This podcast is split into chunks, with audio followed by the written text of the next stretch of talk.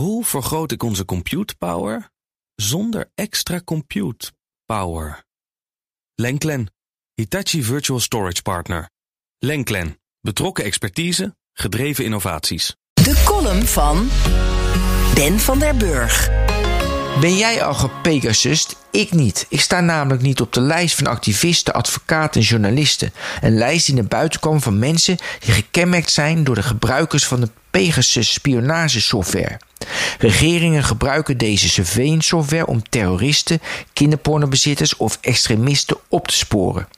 De Israëlische NSO Group verkoopt deze software aan regimes die zijn doorgelicht op doelmatig gebruik. Wel stellen ze dat de klant verantwoordelijk is voor het juiste gebruik. Zij zijn slechts de makers van de software. En toen ik dat las, dacht ik aan de atoombom. Rusland zit met een verouderd arsenaal. Noord-Korea als atoommacht schiet ook niet erg op. En Iran krijgt het door alle sancties ook maar matig voor elkaar. Je zou als commercieel bedrijf een prima afzetmarkt hebben. Alleen spraken we lang geleden af dat we voor de stabiliteit van onze planeet atoomwapens aan banden leggen. We houden ons daaraan en als je dat niet doet, volgen er sancties. Zoiets probeerde de EU ook voor spionagesoftware.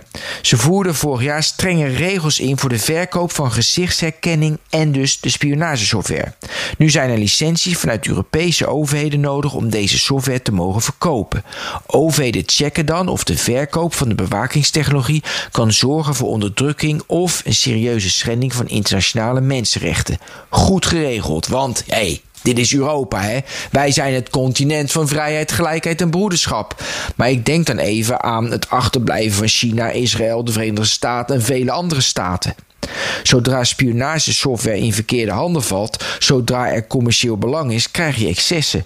Regels over bewakingstechnologie moet je op wereldschaal afspreken, zoals de afspraken met de atoombom.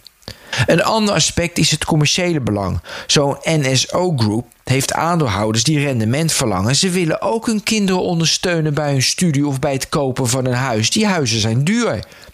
Door die druk zijn velen geneigd wat opportunistische beslissingen te nemen. Nu floreert de NSO Group door 65.000 dollar per gehackte telefoon te vragen aan klanten. Dat lijkt veel, maar is weinig. Anders zouden er veel minder namen op de lijst staan.